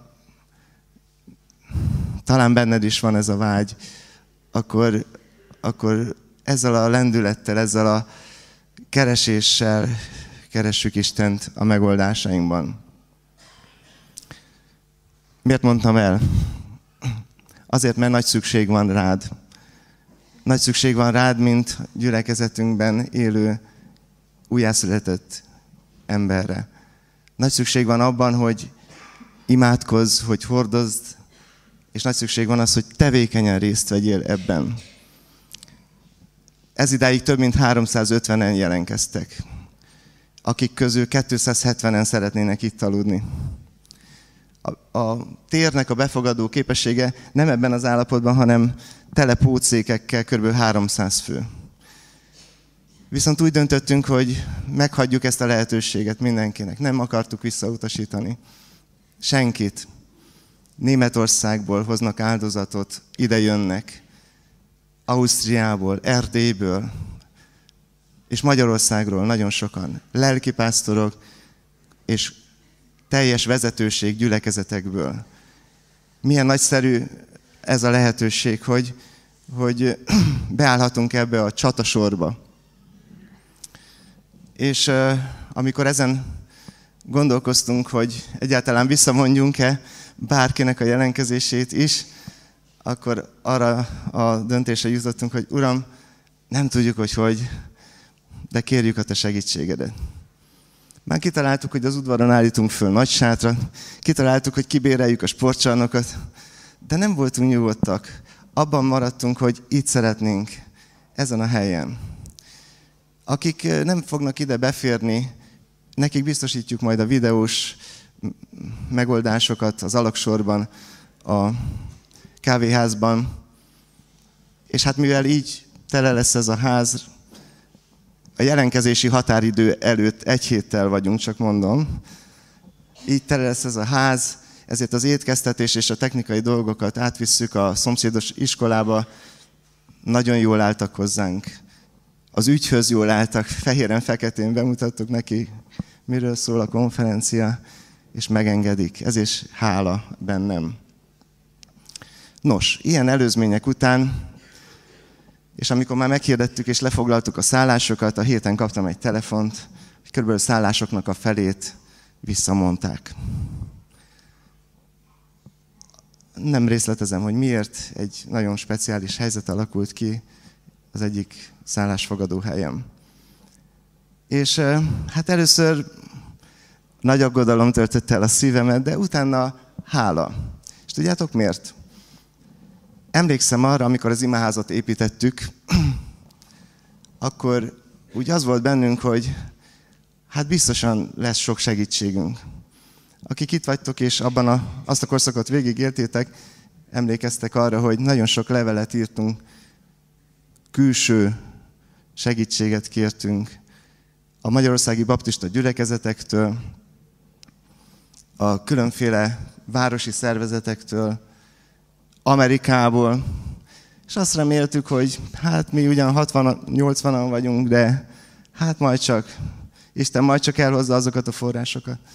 És a legnagyobb meglepetése és legnagyobb élménye ennek a vállalkozásnak az volt, hogy Isten tőlünk várta ezt az áldozatot. És a költségeknek a 10%-a lett körülbelül külső forrásból. Többit tőlünk várta. Nem azért, mert gazdagok voltunk, hanem azért, mert amit oda tudtunk szánni Istennek, ő azt tudta megáldani. És hogyha matematikailag összeadtuk volna a végén, nem tudtuk volna, hogy hogy jött ki ez a szám. 140 millió forintról van szó, meg még sok-sok munkáról, de Isten megadta. Nos, ez jutott eszembe, amikor a kétségbe esés utáni gondolataimban Istenhez fordultam, hogy Isten tőlünk várja. Visszamondtak 130 férőhelyet. Itt a lehetőség. Az áldások csatornája van előttetek, kedves testvérek, amelyet meg lehet nyitni. Én nem szeretnék senkit agitálni, de ha van lehetőséged, a gyülekezeti honlapon keresztül vállalkozhatsz arra, hogy embereket magadhoz fogadsz egy éjszakára. Ellátod őket meleg lepedővel, takaróval, és reggel, reggelit biztosítasz neki.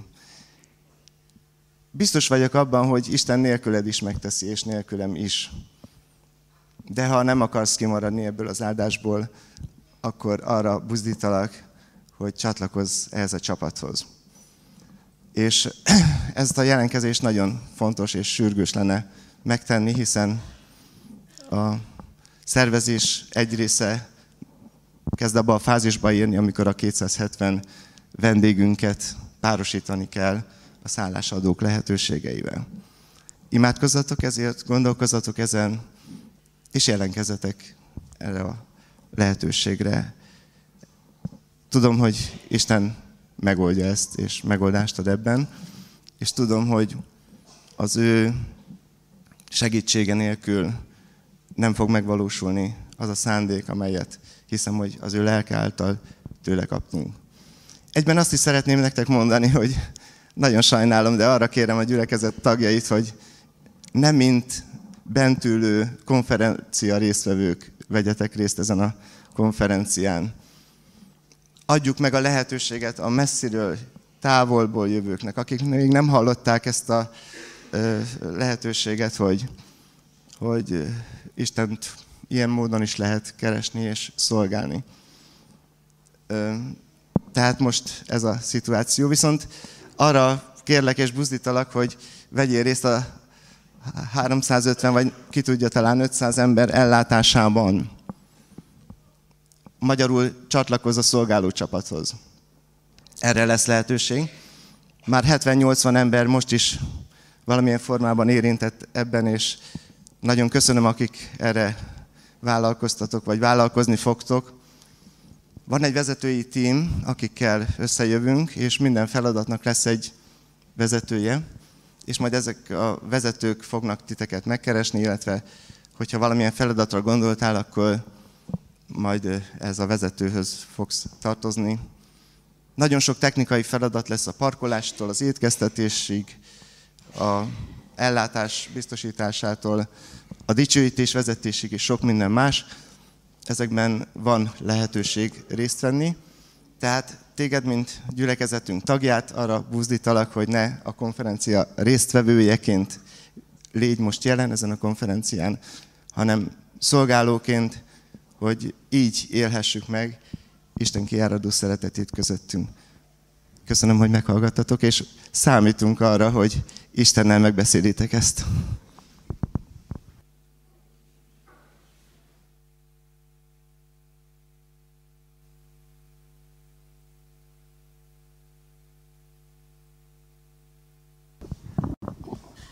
Gábor említette, hogy elkezdődött a házasság hete, és most egy programra szeretnélek hívni benneteket. Jövő héten kedden délután 5-től a református gimnáziumnak a dísztermében lesz egy kerekasztal beszélgetés. Néhányan voltatok már tavaly, Működik a, a városban egy keresztény családterapeutákból álló csoport, és most velük ismerkedhettek meg.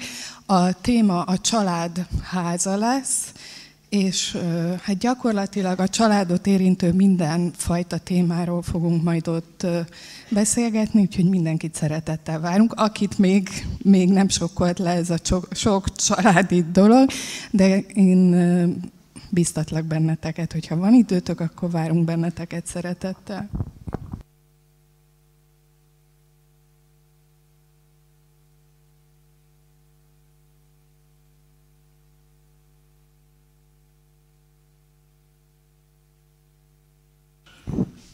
Sziasztok! Én egy ö, ilyen formálódó szolgálatról szeretnék beszélni nektek. Nagyságrendileg egy éve volt egy ilyen jelentkezési lehetőség többfajta szolgálatra, azon 10-12 pontba föl voltak sorolva, hogy milyen területek vannak, és ezek közt volt az egyik, aminek azt hiszem azt a nevet adtuk, hogy élelmiszermentés. Most itt ö, rövid szeretnék lenni. Odáig jutottunk, hogy mm, lehetőség volna erre, hogy havonta a hétköznapokon az Izsáki úti Aldi áruházból nagyságrendileg ilyen 30 kötője 70 kg élelmiszert kapjunk. És ennek a szolgálatnak körülbelül, amit látok, hogy területe van, ez négy terület. Az egyik az, ami az elszállítást jelenti, ez minden hétköznap várhatóan dél és kettő óra között egyelőre valószínűleg saját gépjárművel történne.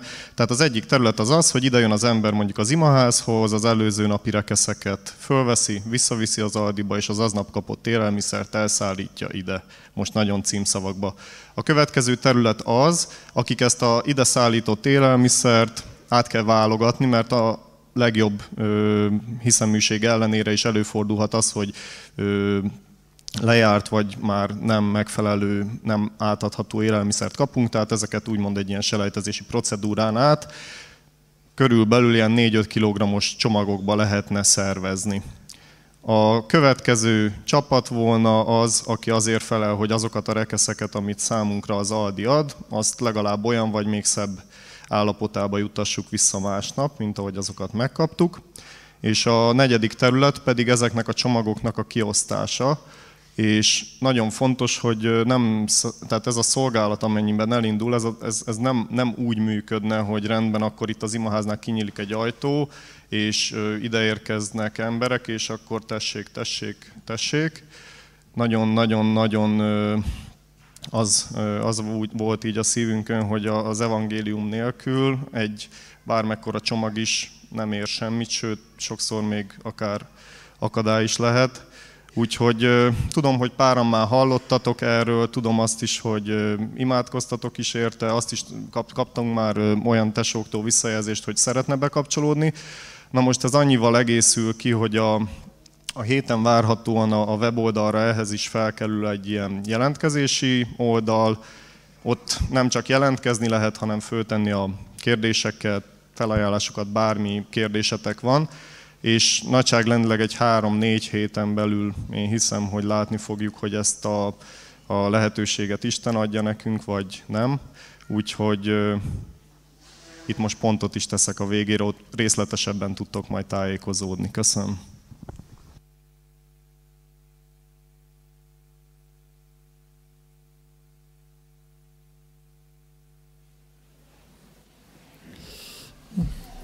Hitünk hétköznapi és gyakorlati megvalósítási lehetőségeit hallottuk. Hiszem, hogy élni fogunk vele, és imádkozzunk is ezért. Még két rövid hirdetni valón van. Barátkozók órája továbbra is működik pénteken délelőtt is, akik délelőtt tudnak jönni, és délután is lesz barátkozók órája. Pénteken hitünk szerint már Sámuel hazaér, ha jól tudom, és ő tudja tartani, de jövő vasárnap biztos 9 órakor itt találkozunk, hiszük, hogy Isten velünk lesz. Záró éneket énekeljünk most, kérem a dicsőítő csoportot vezessen, és bennünket, és közben a, a gyűjtést is szeretnénk megtartani. Aki úgy készült, hogy ezzel is dicsőíteni akarja az Urat, azt most megteheti.